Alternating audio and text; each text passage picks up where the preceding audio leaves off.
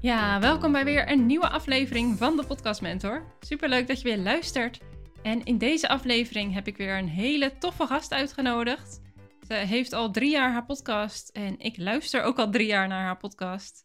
Ze heeft ondertussen 100.000 downloads, uh, haalt haar klanten eruit en heeft inmiddels ook een sponsor voor haar podcast. Dus daar wil ik natuurlijk alles over weten. Ik heb het over Suzanne van Vrije Meid. En ik wilde haar echt ontzettend graag in mijn podcast. Dus superleuk dat je hier bent, Suzanne. Welkom. Nou, dank. Wat leuk te horen. Ja, hey, en je hebt ondertussen 100.000 downloads. Heb je enig idee hoe je aan dat aantal bent gekomen? Zag je bijvoorbeeld al direct in het begin dat je heel veel luisteraars had? Of is dat uh, met de tijd gewoon opgelopen? Nee, nee, het loopt, ja, het loopt op. Dus ik ben nu drie jaar bezig en um, uh, ja, het loopt op, maar het is niet een lineaire lijn. Um, ik heb even niet de grafiek voor me of zo, maar volgens mij in het begin komt het rustig op gang. En op een gegeven moment bereik je een soort van exponentiële groei omdat de podcasts die al online staan vanaf het begin, die worden ook nog steeds geluisterd. Dus alles wat erbij komt, dat groeit ook. Maar de eerdere podcasts blijven ook groeien. Dus op een gegeven moment gaat die groei harder dan dat je podcast opneemt, zeg maar. Ja, dat is echt super fijn. En was er een bepaald moment dat je dacht van, oeh, nu word ik echt veel vaker gevonden? Nee, nou ik weet, in het begin ben ik ook helemaal niet bezig geweest met cijfers, omdat ik gewoon echt dit wilde zien als een experiment van vind ik dit leuk? Luisteren er mensen en haal ik er klanten uit? Dat was eigenlijk veel belangrijker voor mij. En ik wist eigenlijk ook helemaal niet wat die cijfers nou precies zouden zeggen. Want dan kijk je bijvoorbeeld en dan zie je 100 stars staan, maar dan denk je, is dat dan goed of slecht? Niemand heeft het hierover. En iedereen is ook weer anders. Dus ik wist ook niet zo goed wat ik nou precies met die cijfers kon. Dus ik dacht, nou weet je, als ik gewoon het leuk vind en er luisteren mensen, dan, dan ga ik gewoon door. En ik zie podcasten ook echt als een middel om gewoon mensen te kunnen interviewen die ik leuk vind. En om daarvan te leren en om hè, mijn eigen volgers te kunnen bereiken op een andere manier. En ja, de cijfers zijn een gevolg daarvan. Ja, nice. En jij hebt best wel wat grotere gasten geïnterviewd. Um, hoe heb je dat gedaan? Hoe heb je hun in jouw podcast gekregen? Ja, nou dat is een beetje natuurlijk een soort wisselwerking. Althans, dat zou het moeten zijn, denk ik. Ik geloof heel erg in win-wins. Um, mensen gaan niet uit liefdadigheid inderdaad uh, in jouw podcast komen. Dus ze moeten daar zelf ook wel iets uithalen. Um, en wat halen ze daar dan uit? Ik denk toch wel dan het bereik van de podcast. Of uh, puur, ja, toch wel hun verhaal heel graag willen delen met, al, al zijn het twee mensen. Dus daar, um, daar stuurde ik dan wel op aan. Dus ik heb bijvoorbeeld mijn allereerste interview, dat was de tweede aflevering. Dat was Noortje. En Noortje die heeft zelf niet een extreem groot bereik. En, maar ik had dat ook nog niet. Dus op, op zich is het dan een, een gelijkwaardige wisselwerking. Dus Noortje die vond dat hartstikke leuk. Die had het zelf ook eigenlijk voorgesteld. En het was ook alweer slim van haar, misschien wist ze dat wel toen, is dat aflevering 2 wordt natuurlijk nog steeds heel vaak als een van de eerste afleveringen geluisterd. Dus inmiddels is haar podcast wel uh, nou, iets van 3.000, 4.000 keer beluisterd. Dus ja, als je kijkt naar de lange termijn, is het natuurlijk ook wel heel slim om in een podcast te komen. Omdat het niet alleen gaat over hoeveel luisteraars bereik je nu, maar ook hoeveel luisteraars bereikt ze over twee, drie jaar. Ja, inderdaad. Uh, en hoe, nou, de volgende die ik interviewde was Amy van de Putten. Dat was volgens mij aflevering 4 al. Uh, en ik had toen een rubriek op mijn blog, vrijmijn.nl. En toen ik dus een podcast was, was gestart, toen dacht ik, nou, dan kan ik die interviews ook gewoon opnemen en ook als podcast publiceren. Dus zo bracht ik het eigenlijk ook toen naar Amy. Zo van, ja, in principe is het interview voor mijn blog. Maar ja, als je het leuk vindt, kunnen we het ook gewoon opnemen en dan zet ik het ook op mijn uh, podcast. En zij had echt zoiets van, ja, why not? Want ze had al ja gezegd tegen mijn blog. En op dat moment was mijn blog ook veel groter dan mijn podcast. Dus in principe was mijn blog, zeg maar, de binnenkomer, het lokkertje. En de podcast was een soort van extraatje. En dat ging eigenlijk best wel lang zo door. Dus ik bood ze vooral het bereik van mijn blog. En de podcast was een soort extraatje wat ik dan aanbood. En op een gegeven moment draaide dat een beetje om. Toen werd mijn podcast inderdaad groter. En op dit moment blog ik eigenlijk niet eens meer. Uh, en nu is het eigenlijk gewoon mijn podcast als zich. Wat ik zeg van, hey, het komt er dan op neer dat ik zeg, ik wil je graag interviewen. En uh, dit, dit, kan ik jou bieden. Namelijk zoveel bereik. Dit is mijn doelgroep. En uh, hij gaat nog naar mijn nieuwsbrief. En dus ik benadruk altijd wel heel duidelijk uh, de cijfers, zeg maar. Dus hoeveel mensen luisteren, maar ook wat voor mensen dat zijn. Want je kan wel honderdduizend luisteraars hebben, maar als dat bijvoorbeeld allemaal mannen zijn van 60, terwijl jouw, jouw eigen doelgroep is vrouw en 20, dan zijn dat helemaal geen relevante luisteraars. Nee, dan heb je er weinig aan inderdaad. Ja, dus, dus bottom line, ik probeer altijd, wie het ook is, wel echt een pitch te maken om iemand te overtuigen om in mijn podcast te komen en, te, en uit te leggen wat eigenlijk voor hen dan de win is. Ja, en andersom, want jij wordt denk ik ook wel regelmatig gevraagd. Nou, andersom verwacht ik dat dus ook. Als iemand mij uitnodigt, dan verwacht ik ook gewoon een fatsoenlijke pitch. Al, al heb je gewoon ja, het fatsoen dus om iemand een beetje serieus te nemen. Uh, en dat gebeurt dus niet altijd. Of sterker nog, het gebeurt eigenlijk vaak niet. Ik, ik krijg wel eens uitnodigingen in de DM. Hallo, uh, ik wil jou interviewen of zo. En dan denk ik, ja, kom op meid, doe even je best. Wie ben je? Waarom wil je dan mij? En, en wie is dan jouw doelgroep? En wat heb ik daaraan? En dan zeg ik dat soms ook hoor, van ja, overtuig me maar met een pitch. Uh, en, en nou ja, soms doen ze dat en soms denk ik, nou sorry, ik ben gewoon nog steeds niet echt overtuigd. Ik heb ook wel eens, nou ja, los van dat ik zelf word uitgenodigd voor een podcast, heb ik ook wel eens dat ik um, interviewkandidaten heb die zichzelf pitchen voor mijn podcast. En dan heb ik eigenlijk ook weer, weer dezelfde checklist. Zo van, ja, wat kom je brengen? Wat heb ik eraan om jou te interviewen? En sterker nog, wat heeft mijn doelgroep eraan om jouw verhaal te horen? Is dit onderscheidend? Is dit iets wat, hè, los van de 145 afleveringen die al online staan, voegt dit iets toe? Of is het eigenlijk gewoon weer veel van hetzelfde? En, dan, uh, en ik kijk dan ook wel hoe groot die persoon is. Hè, of diegene ook het misschien kan delen en relevant bereik heeft voor mij. En dat is niet altijd het geval. Het is ook echt niet zo dat ik alleen maar hele grote mensen wil interviewen. Want soms heb ik ook mensen met een heel klein bereik. Maar die hebben dan gewoon weer een heel leuk verhaal. Ja, dus je kijkt gewoon echt naar wat iemand toevoegt aan jouw podcast. Ja, soms zit dat heel erg in het verhaal. En soms zit het heel erg in het bereik. En soms allebei. Maar ik, sta, ik probeer echt wel open te staan voor iedereen. Maar er moet wel een goede pitch zijn. Want ja, anders ben ik heel snel dan afgehaakt. Ja, maar ik denk ook dat dat gewoon de moeite doen is om iemand in je podcast te krijgen of om zelf in een podcast te komen. Ja, ja je wilt gewoon serieus genomen worden. Ja, precies. Ja, ik heb ook wel eens dat mensen me een berichtje sturen en dan zeggen: Hoi, doe jij wel eens interviews? Ja, ja precies. En dan denk ik: Ja, en wat wil je nu? Nou, en dan denk ik ook al van, dan heb je niet eens mijn podcast bekeken. Want als je daarnaar zou kijken, dan zou je zien dat ik inderdaad interviews doe. Dus dat, dat is dan eigenlijk, vind ik, gewoon heel gênant. Ja, inderdaad. Ja, hey, en jij zei net, ik uh, vond het hartstikke leuk om die interviews te doen en je leerde er ook hartstikke veel van. Maar inmiddels gebruik je het ook als marketingkanaal natuurlijk. Uh, ja, eigenlijk heb ik een podcast altijd wel gezien als marketing hoor. Anders was ik denk niet begonnen. Ik bedoel, ik heb stiekem altijd wel een strategisch oogpunt voor mijn business. Maar los daarvan vind ik het inderdaad heel erg leuk. Het is wel een van de leukste marketingmiddelen, vind ik. Dus um, het is een combi van leuk, maar, maar inderdaad zeker. Uh, ik zie het ook echt als marketing. Um, en dan al is het alleen maar omdat je door een podcast mensen bereikt. En um, laat weten dat je ondernemer bent en wat je aanbod is. En het is echt niet zo dat alle afleveringen bij mij gaan over mijn aanbod, absoluut niet. Maar je bouwt wel een bepaalde expertstatus op door te praten over bepaalde onderwerpen. Je bouwt een bereik op. Je, je krijgt echt die no-like trust, omdat mensen je stem horen best wel lang. Dus in die zin zie ik het inderdaad wel echt als marketing. Ja, en heb jij ook echt klanten waarvan je denkt, oeh, die komen sowieso echt uit mijn podcast? Nou ja, ik ben er zelf Ja, nou ja, jij. nee. Ja, ja, kijk, het is altijd lastig om natuurlijk echt één op één door te meten, want je weet niet altijd welke klanten nou precies je podcast luisteren of hebben geluisterd. En het is ook weer vaak een combi van factoren, dus ze luisteren mijn podcast, maar ook bijvoorbeeld mijn Instagram of ze lezen mijn boeken. Dus ja, ik heb niet één op één dat scherp. Maar ik weet wel dat veel van mijn klanten, dat die onder andere ook mijn podcast luisteren.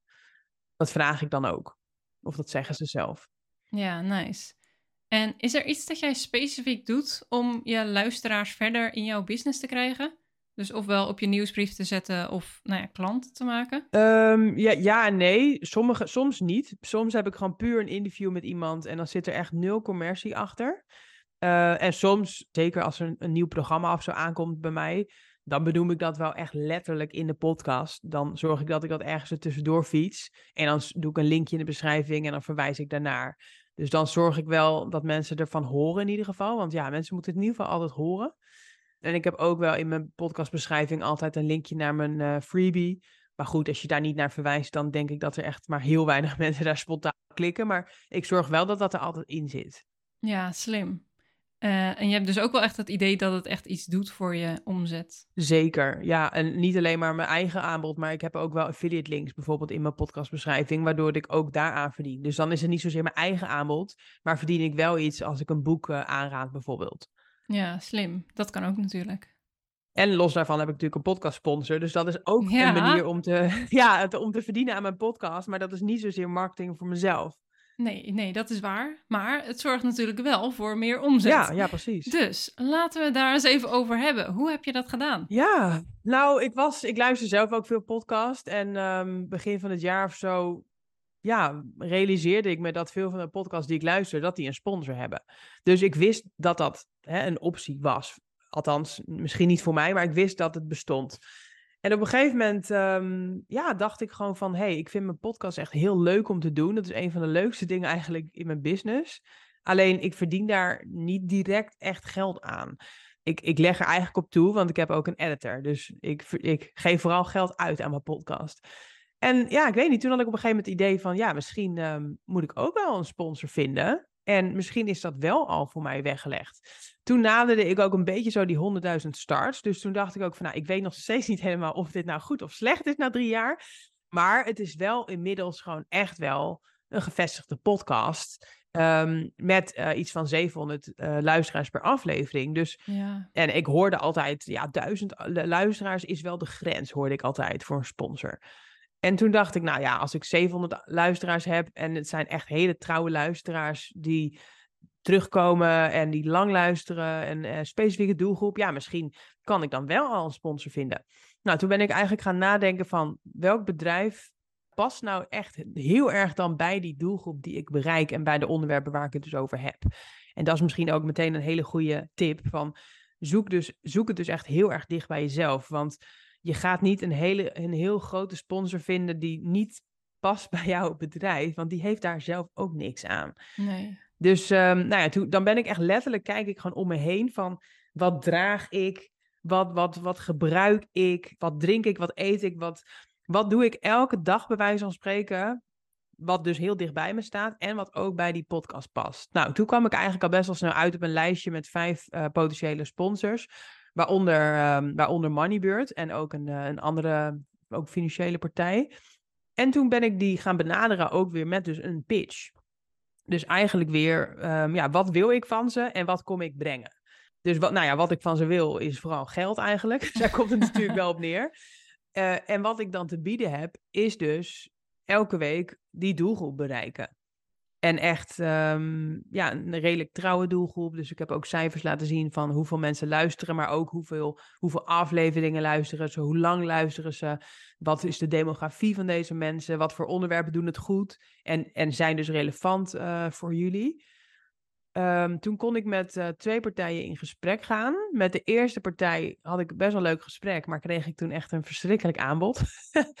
Ik kreeg toen uh, eh, 11 euro per aflevering konden ze me bieden. Oh ja. En ik, ik had echt ingezet op iets van 200 euro volgens mij. Dus ik had echt zoiets van ja, 200 en nu krijg ik 11. Um, ehm, ja, dat is zeg maar het twintigste deel van wat ik eigenlijk wilde. Dus ja. moet ik dit doen? Ik heb serieus nog overwogen van ja, moet ik het misschien toch doen? Dan kan ik in ieder geval zeggen dat ik een sponsor heb. En misschien trekt dat weer andere mensen aan. En hè, het is in ieder geval iets.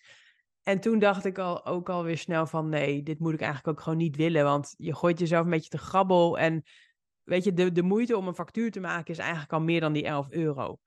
Dus toen dacht ik, nee, dan niet, weet je wel. Ik ga gewoon doorzoeken. En, en dan heb ik liever geen sponsor misschien wel dan, dan deze. Uh, nou ja, toen had ik gelukkig nog dat tweede bedrijf waarmee ik een gesprek had. En dat was eigenlijk ook een heel erg leuk gesprek. Maar ja, dat zegt natuurlijk dus niet zo heel veel. Maar zij liet wel al in het gesprek doorschemeren dat ze echt wel open stonden voor het concept podcast sponsor. En die andere was een beetje sceptisch. Um, en dat het ook het bedrag dat ik uh, had gevraagd, dat dat ook wel echt zeker goed zou kunnen komen.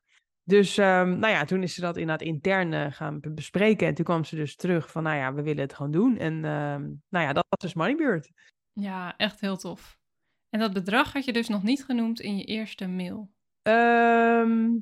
nee, nee, dat heb ik volgens mij inderdaad toen in die, in die call genoemd. Omdat ik dacht van ja, laten we eerst maar gewoon aan tafel komen en dan kan ik het een beetje toelichten, weet je wel. Want ik vind een bedrag ook niet altijd wat zeggen, want um, je wilt het toelichten met dit is het bedrag om deze, deze redenen en, en gebaseerd op zus en zo. En dat eerste bedrijf, die, zat, die, die stond niet echt open voor de nuance. Die, die keek heel erg sec naar, dit is, zijn de richtlijnen, namelijk per duizend luisteraars betaal je zoveel euro. Dus dit is wat we jou bieden, punt. Volgens mij was, was het bedrag waar zij dan ergens naar hadden gegoogeld, was dan 15 euro per duizend luisteraars of zo. En ik had er dan 700, dus dat was dan 11 euro. Zoiets was het. Oh, en ja. toen had ik zoiets van, ja, maar ja, de ene 700 luisteraars zijn de andere niet. Nee, zeker Dus niet. mijn luisteraars zijn echt heel relevant, want die houden van geld en die zijn ondernemer en die willen hiermee aan de slag. Dus ik had echt zoiets van, ja, mijn 700 luisteraars zijn niet your 700 luisteraars. En die zijn veel meer waard dan 11 euro. Maar nou ja, dat zagen ze dus niet in. Eh, en dat tweede bedrijf, daar noemde ik dus dit bedrag en, en een beetje als richtlijn. En toen zeiden ze eigenlijk zelf van dat ze dat nog redelijk laag vonden en dat ze eigenlijk ja, dat dat wel meer waard vonden. Eigenlijk kwam het een beetje vanuit hun. Dus dat was echt heel erg leuk dat ze, dat, dat ze niet mij probeerden uit te knijpen, maar dat ze echt het zagen als een samenwerking en dat ze ook bereid waren om dus een fair bedrag te betalen. En als ik dus ook het omdraai, dus hè, als bedrijf, tuurlijk, hè, het is eh 200, 300 euro, maar het is inderdaad iets wat opbouwt. Dus ze betalen het nu eenmalig voor een aflevering die nu 700 luisteraars trekt, maar misschien volgend jaar 1000 of 2000. Dus je, je investeert eigenlijk in iets wat nog, nog steeds groeit. Ja, ik denk dat het een hele mooie manier is om daarnaar te kijken, inderdaad. En hoe ben jij zelf op die 200 euro gekomen? Ja, echt een beetje random, eerlijk gezegd. Ik heb niet per se gegoogeld van wat is normaal, want ik, ik vind het dus lastig te zeggen wat is normaal. Sowieso Ja. deelt, deel- delen de mensen er bijna niet over. Dus ik ben echt meer gaan kijken, oké, hoe kan ik in ieder geval mijn editor terugverdienen? Eh, en mijn eigen tijd eigenlijk. Dat, dat was voor mij denk ik wel reëel.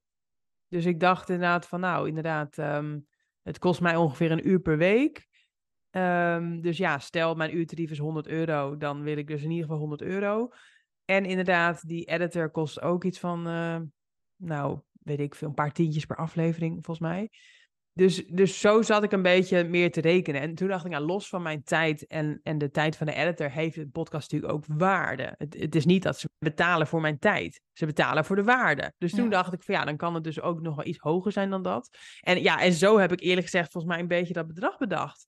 Maar het is, het is natuurlijk gewoon vrije markt. Je kan vragen wat je wil. Alleen, ja, je moet gewoon kijken of iemand dat ook wil betalen. Ja, dat is het ook. En het is natuurlijk ook nog best wel nieuw in Nederland, een sponsor vinden voor je podcast. Ja. En, en ik geloof ook wel dat een bedrijf eigenlijk moet denken, hoe snel verdien ik dat terug?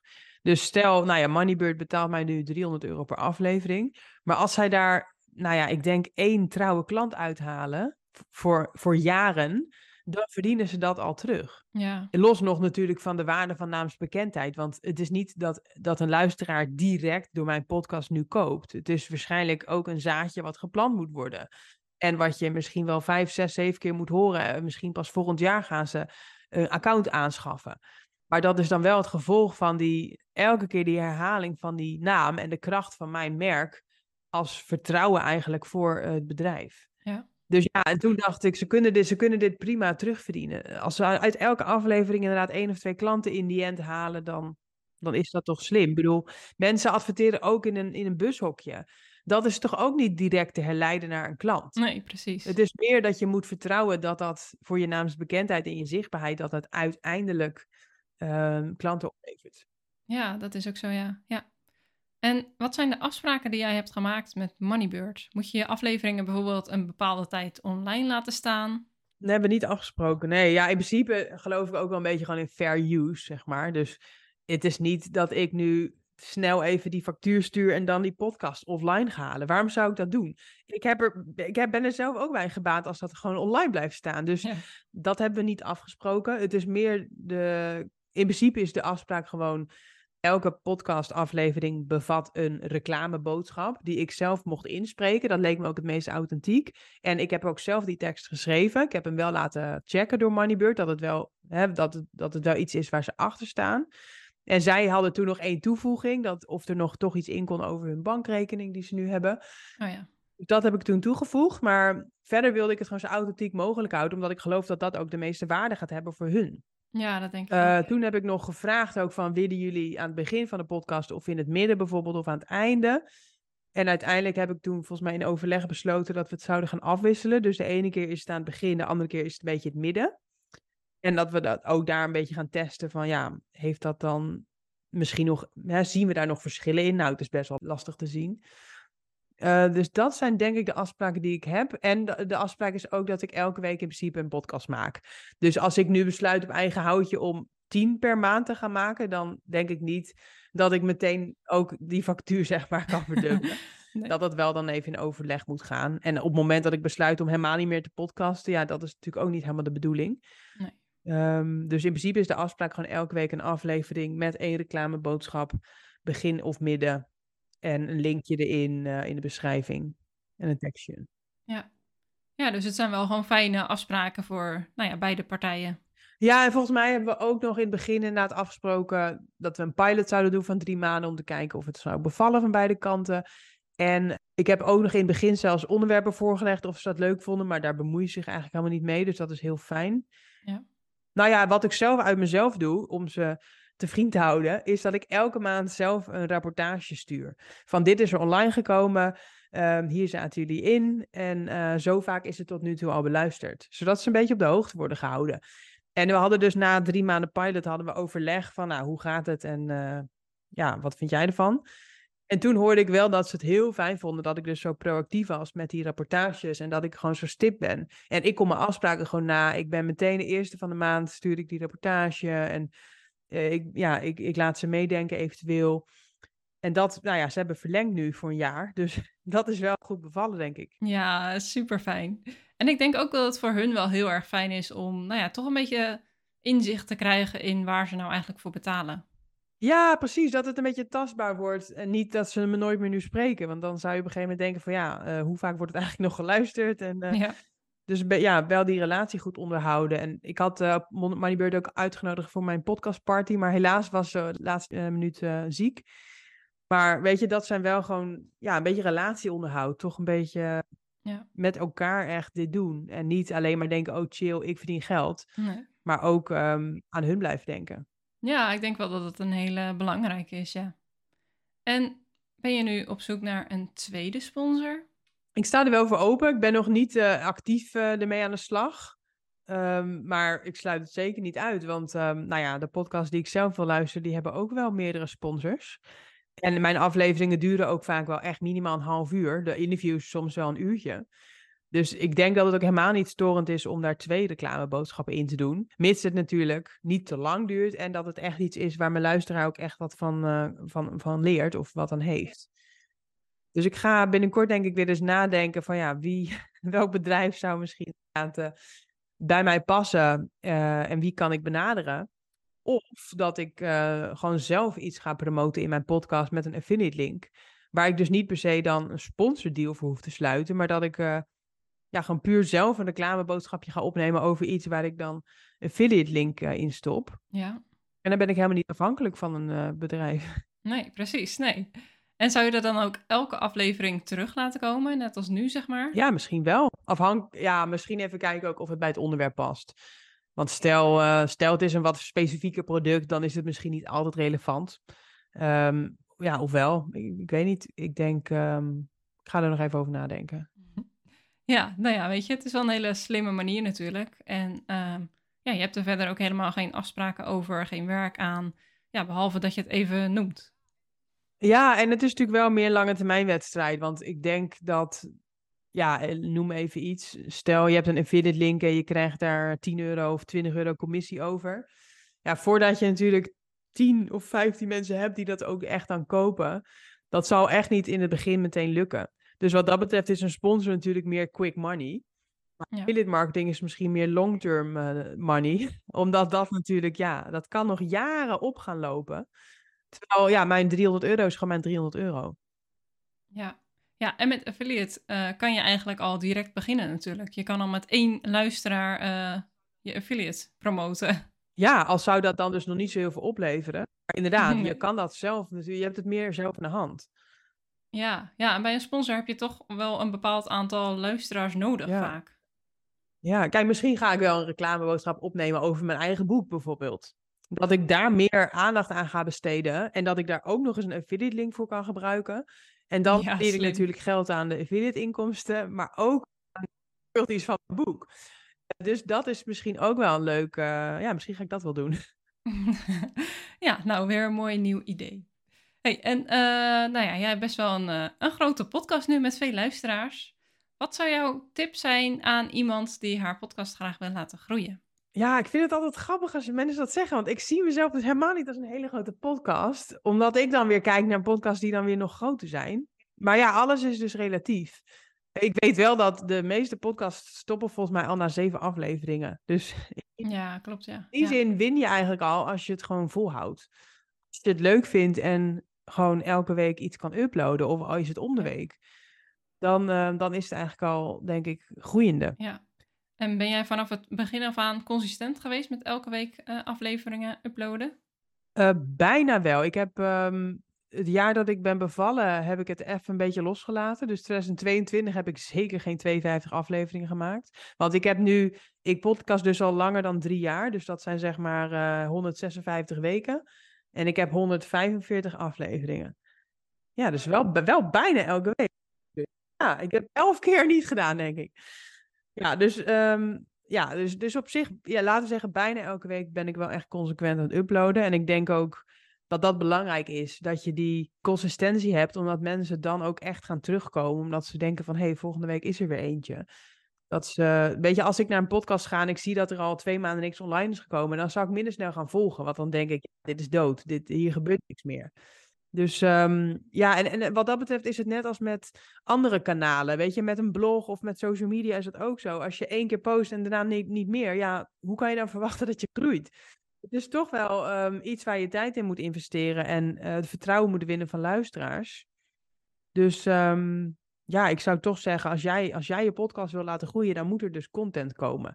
En dat betekent niet dat je per se elke week hoeft te uploaden, want Celine Charlotte is een grote podcast ook en die uploadt ook niet elke week. Weet je, dus het hoeft niet. Maar zij heeft natuurlijk wel een heel groot bereik.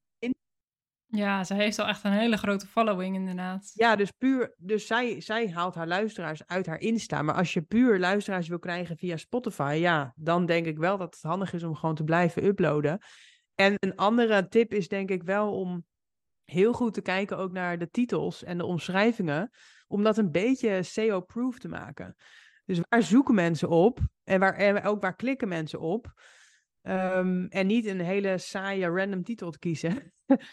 maar ja, wel even daar slim over na te denken en eventueel ook aan te passen. Ja, ja, hier valt echt nog zoveel winst te behalen. Ik zie het heel vaak inderdaad dat het titels zijn die en niet aantrekkelijk zijn en niet SEO-proof. Of ze ehm, komen helemaal niet overeen met de aflevering.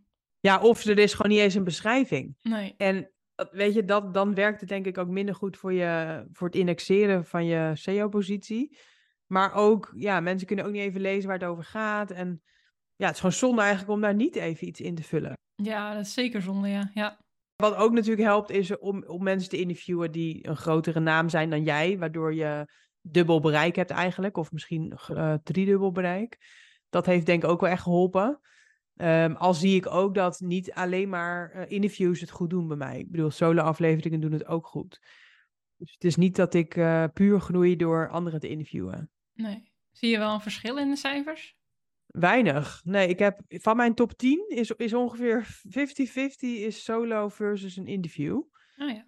Ehm, maar mijn slechtste afleveringen zijn volgens mij wel allemaal solo. Ja, dus ik denk overal dat een interview misschien wel, ehm, ja, wel het sneller goed doet. Ja. Dat je toch dat dubbele bereik hebt. Ja, en zie jij verder nog eh, verschil in onderwerpen? Bijvoorbeeld of het persoonlijk is of tips of eh, nou ja, over bepaalde onderwerpen die het dus beter doen bij jou? En nou ja, dingen over geld doen het gewoon altijd goed. Ehm, dus ja, ja, als ik over geld praat of, of dat soort dingen, doen het wel altijd goed. Ehm, maar ook, ook wel echt het, het vrijheidsstuk. Dus inderdaad mensen die lang reizen of die, die vastgoed hebben en, en nu financieel vrij zijn. Ja, dus, dus een, ja, eigenlijk gewoon een combi van waar ik helemaal voor sta. Dus echt wel dat vrijheidsstuk met, met geld ook en ondernemen en, en reizen. Ja, mooi. Ja. Maar niet, ja, niet, een, niet echt een eentje die eruit springt van nou, dit onderwerp is gewoon altijd scoren. Want ik heb ook wel eens een aflevering over iets met een ton per jaar en dat het dan niet wordt geluisterd. Dus het is ook weer geen garantie. En ook wat betreft ehm, lengte zie ik ook niet per se dat dat dan echt beter of slechter wordt, uh, wordt gestart. Alleen de, de start zijn natuurlijk maar de eerste paar seconden. Ja. En of mensen uiteindelijk helemaal afluisteren, ja, dat moet je dan echt even gaan uitluisteren. Maar dat heeft niet ja. effect op de starts. Nee. Oké, nee. En doe jij veel aan de promotie van je podcast? Ja, wat is veel? Dat vind ik lastig te zeggen, want wat ik nu doe, het valt mee, denk ik. Ik, ik zou nog veel meer kunnen doen, maar ik geloof ook juist in die SEO-kracht. ik wil ook niet zoveel promoten. Uh, wat ik nu doe, is als er een podcast online komt, dat ik hem bijna, ja, eigenlijk altijd wel even deel in mijn stories. En soms maak ik er ook een post of een reel omheen, maar in ieder geval deel ik hem ergens op Instagram wel. En ik neem hem 9 van de 10 keer ook mee in mijn nieuwsbrief.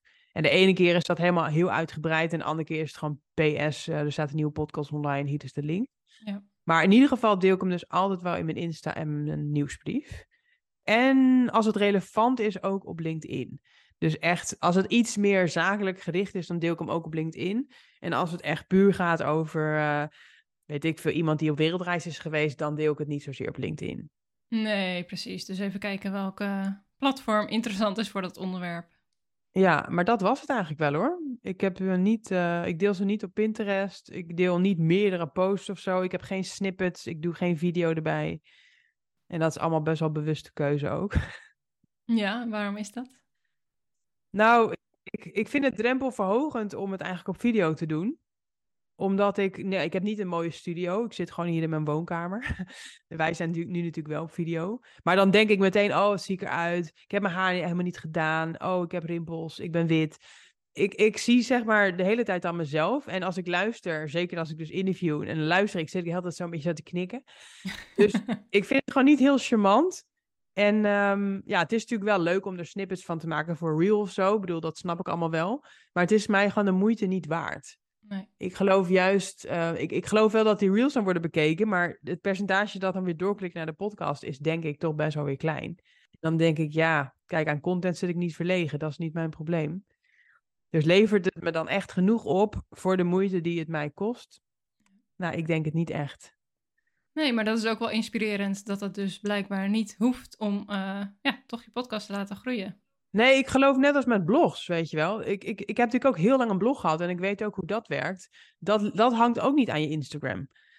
Tuurlijk, als je 100.000 volgers hebt, zou dat wel mee, uh, meespelen als je daar wat deelt. Maar in principe is mijn blog ook gewoon helemaal gegroeid door Google. En social media was zeg maar misschien max 10% van het verkeer. Dus um, zo zie ik ook gewoon mijn podcast. Van mensen komen toch wel. Mensen volgen me op Spotify of ze vinden me in Spotify. En het handjevol mensen wat via Insta doorklikt, dat is echt meer een extraatje. En dat is ook niet lange termijn, want op Instagram is die post zeg maar morgen oud nieuws. En dan gaat niemand meer daar, vanuit daar doorklikken. Nee. Op eh, Spotify is gewoon nog drie jaar lang worden nog steeds die podcast uh, aangeklikt. Ja, dat is zo. Ja, ja, zeker. En delen jouw gasten het voor je als je die hebt geïnterviewd? Uh, ja, als ik iemand interview, dan, dan delen ze het eigenlijk ook altijd wel. Want mensen doen waarschijnlijk wel mee met een reden. Ze willen toch ook hun verhaal verspreiden. En ze zijn er ook trots op. En kijk, soms delen ze gewoon puur de, de story die ik heb gedeeld. En dan tag ik ze en dan delen ze dat, weet je wel. Dan is het. Um, maar ook wel vaak dat ze toch zelf nog even een story eromheen maken. Of dat ze het ook in de nieuwsbrief meedoen. Het is niet dat ik daar echt specifiek om vraag in het begin. Zo van, hè, ik interview je alleen als je het gaat delen. um, nee. nee, maar, maar vaak doen mensen dat toch wel. Ja, weet je, en ik denk ook dat dat wel iets is wat mensen gewoon graag doen. Sowieso in de stories even delen. Um, maar ja, ik denk niet dat je mensen daartoe uh, toe kan verplichten van, nou, als je het niet deelt, dan uh, interview ik je niet. Nee, en andersom is dat hetzelfde weer. Weet je, als ik geïnterviewd word, dan vind ik het ook leuk om dat even te delen. Want ja, ik ben dan ook weer trots op het verhaal.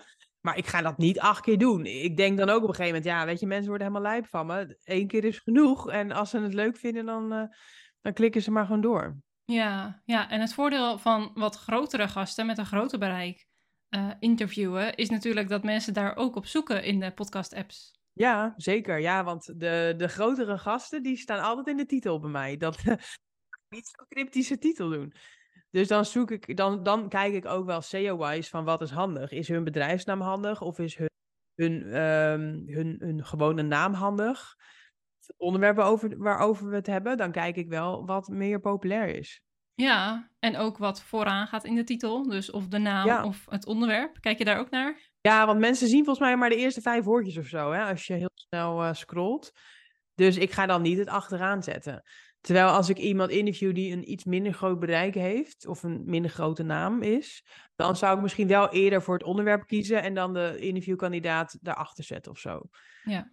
Ja. Maar in principe, als mensen natuurlijk een naam intoetsen in Spotify, dan komt die podcast omhoog, ook al staat een naam aan het einde. Ja. Maar misschien is het dan niet zo heel duidelijk dat die podcast dus een interview is met die persoon.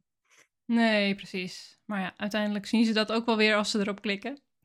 Ehm, nou, je hebt echt al onwijs veel mooie, waardevolle dingen gedeeld. Is er nog iets dat jij graag wil delen over eh, je podcastreis? Ehm, nou ja, wat ik altijd zeg is dat je er vooral lol in moet hebben. Want anders is het natuurlijk wel echt een, een hele opgave om elke week, of, of wanneer dan ook, om zo'n aflevering te maken. Ehm, wat ik zelf heb gemerkt als ik veel over podcasten deel, is dat mensen meteen heel veel bezwaren zien. Dus techniek, lastig, eh, wat heb ik dan te melden, spannend, eh, wat haal ik eruit? Ja, mensen zien meteen beren op de weg, hè? Ja. Maar dat is eigenlijk natuurlijk met, met alle kanalen. ja. Dus ik denk altijd van ja, als je, dat, als je het echt graag wil, dan doe je het dus ook vanuit passie. En dan moet je ook gewoon beginnen. Want als ik nog een jaar had getwijfeld, dan had ik gewoon nu 30.000 luisteraars misgelopen, weet je wel.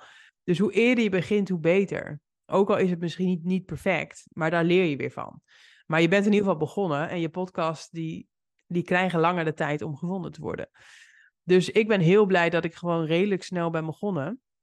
Uh, en het enige waar ik zelf een hobbel op had, was inderdaad het editen en het uploaden. Ik had echt geen flauw idee hoe dat zou werken. En ik heb me daar ook nooit in verdiend. Ik heb meteen een VA uh, ingehuurd die dat voor mij is gaan doen. Dus ja, dat kostte me dus wel meteen geld. Maar ik had het dat ervoor over. Kijk, dingen kosten je altijd tijd of geld. En voor mij is tijd belangrijker eigenlijk. Uh, dat zou je misschien niet denken, maar... dus ik dacht meteen, nou ja, ik betaal liever iemand uh, voor 50 euro per uur... en dan kan ik voor 200 euro per uur gaan coachen. Ja. Veel slimmere deal. Ja, zeker. Ik, ik heb dat meteen uitbesteed, zodat dat in ieder geval niet mijn drempel was. Dus ik zou mensen willen adviseren van, ja, kijk wat jouw grootste hobbel is nu. Wat, wat is echt, echt jouw drempel om dit gewoon te gaan doen? En zoek daar dus een oplossing voor. Want anders blijf je, Ja. laat je jezelf nog steeds tegenhouden.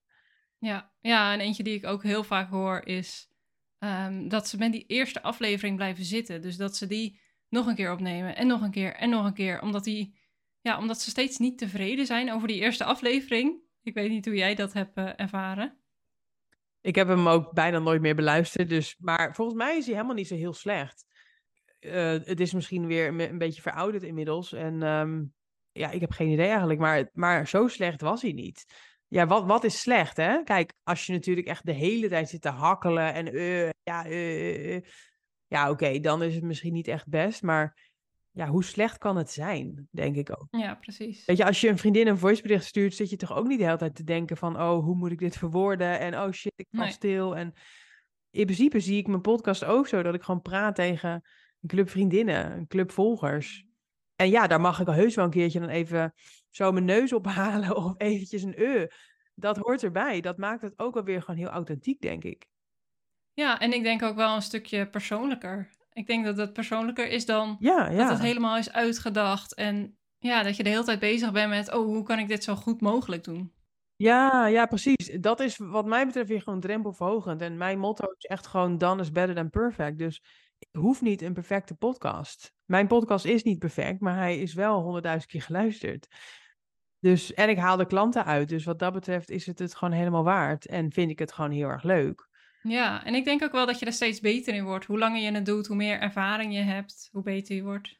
Ja, ik krijg wel vaker nu complimenten ook over de interviews bijvoorbeeld. Of dat ik inderdaad denk van, oh ja, het geluid is nu wel echt beter dan vroeger. Of ja, dus dat is wel zeker leuk om, om te zien. En dat het dus ook beloond wordt in groei. En dat mijn volgers nog steeds toenemen en zo. Dat is wel gewoon heel, uh, heel leuk. Dan doe je het echt ergens voor. Ja, dan zie je ook echt het resultaat ervan. Ja, maar ik denk dat mensen gewoon te snel opgeven ook, omdat ze er niet direct wat uithalen. Maar dat is net weer als met een blog of een Instagram. Ja, hoe, hoe snel denk jij dat je aan 10.000 volgers komt op Instagram? Weet je, dat is toch ook niet snel, snel gepiept? Dus hoezo verwachten we wel dat die podcast dan direct eh, sky high gaat? Ja, dat is ook zo, ja. Ja, dat heeft tijd nodig, geduld en doorzettingsvermogen. Ja, ja, en tuurlijk, mijn, mijn idee was dus toen ik begon, ik moet het vooral ook leuk vinden. Maar natuurlijk wil ik er ook wat uithalen. Want als het puur, puur hobbymatig was, ja, dan was het toch wel zonde van mijn tijd om er elke week een halve dag bijna, nou ja, een, uur aan te besteden. Ehm, weet je, dan moet je op een gegeven moment gewoon misschien toch afscheid van, ervan nemen of het echt als hobby zien.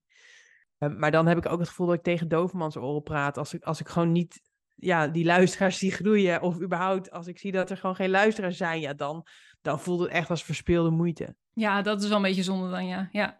Maar ik denk wel dat hè, als je het serieus neemt, ehm, je hebt er plezier in en je weet een beetje wat er voor nodig is om je podcast te laten groeien, dat het aantal luisteraars altijd wel zal blijven groeien.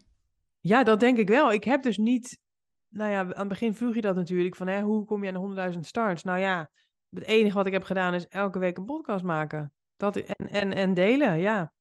En toen ging dat, toen, toen gebeurde dit. het, is niet, is niet een geheim.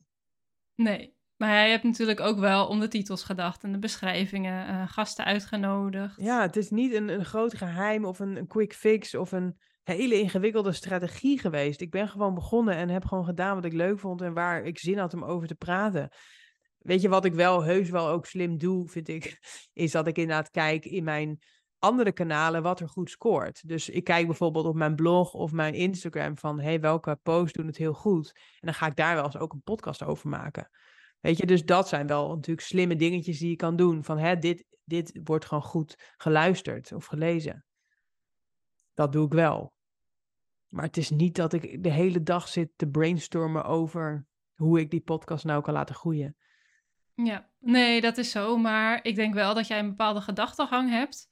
Um, waardoor je er wel altijd strategisch over nadenkt. Hè? Je zet niet zomaar een aflevering online, maar daar heb je wel over nagedacht waarom je dat onderwerp kiest. Ja, nee, klopt. Ik heb ook wel gewoon een contentkalender en ik werk vooruit en ik zorg dat het gebeurt. Weet je wel. Ja, ik neem het ook gewoon wel serieus, maar ik zie het dus ook echt als onderdeel van mijn bedrijf. Dus het is voor mij niet een hobby. Dus ben ik er serieus mee bezig, maar niet krampachtig. Nee, precies. Nee. En daardoor blijft het ook wel gewoon leuk om te doen natuurlijk. Ja. Hey, en even over jouw podcast, want het gaat de hele tijd over jouw podcast. Uh, en ik weet waar die over gaat, maar misschien de luisteraar niet. Dus waar gaat jouw podcast over en waar is die te vinden? Ja, ja, ja, tussen de regels door is het er al een beetje over gegaan. Maar nou ja, de Vrije Meid podcast gaat het over de hele tijd. En um, uh, mijn podcast gaat eigenlijk nou ja, over vrijheid, dus zoektocht naar vrijheid, waar ik ook op Instagram over deel. En wat, ja, wat is vrijheid dan? Nou, wat mij betreft is dat een gedeelte geld, dus meer financiële vrijheid bereiken, maar ook ondernemerschap, want ondernemerschap geeft mij ook heel veel vrijheid. Uh, en ook wel wat je er uiteindelijk mee doet. Dus ja, het vrije leven wat je dan uiteindelijk wil. Dus dat kan zijn een mooie reis maken of um, ja, minder, minder hoeven werken of, of ja, tijd voor je, voor je hobby, tijd voor jezelf.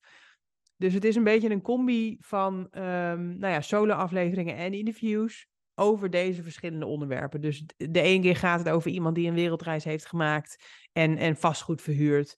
Of uh, een online bedrijf heeft opgezet en daardoor financieel vrij is geworden. Of een combinatie van deze factoren. Dus het is niet zozeer alleen maar een ondernemerspodcast. Maar het, komt, het gaat wel vaak over. Het zijn wel bijna altijd ondernemers die ik interview. Ja, ja dat is ook wel het extra stukje vrijheid, denk ik. Ja, ik denk wel. Um, ja, ik, ik, zit even te denken. Ik heb wel eens iemand in loondienst geïnterviewd, maar eigenlijk bijna nooit, omdat dat voor mij gewoon geen vrijheid is. Dus ik vind die mensen dan gewoon minder inspirerend. Ja. Uh, en ze hebben vaak ook minder vrijheid in de zin van ja. geld en tijd en kunnen reizen en zo. Dus ja, ik, ik, die hebben, ja, ik vind die verhalen ook gewoon dan minder boeiend. En mijn doelgroep qua klanten, mijn, mijn coachklanten zijn ook ondernemer. Dus die mensen wil ik ook aanspreken. Dus het zou ook niet handig zijn om alleen maar mensen in loondienst te gaan interviewen, want dan luisteren niet mijn ideale klanten. Nee, precies. Dus in die zin is het ook wel weer strategisch natuurlijk van wat vinden mijn ideale klanten leuk om te horen. Ja. En, en ik zelf ook. En dan um, ga ik daar een aflevering over maken. Ja, en het is echt een aanrader om te luisteren, de Vrije Meid podcast. Ik zal even een linkje zetten in de beschrijving van deze aflevering en dan uh, kan je gelijk doorklikken. Super, nou dankjewel. Nou, lieve Suzanne, heel erg bedankt voor dit mooie en leerzame interview. Ik heb er heel veel uitgehaald en de luisteraar hopelijk ook. Ik hoop het ook. En lieve luisteraar, jij natuurlijk weer heel erg bedankt voor het luisteren. Weet me ook te vinden op Instagram als je iets wilt vragen of opmerkingen ergens over hebt. Ik ben te vinden onder de podcastmentor. En graag weer tot de volgende aflevering.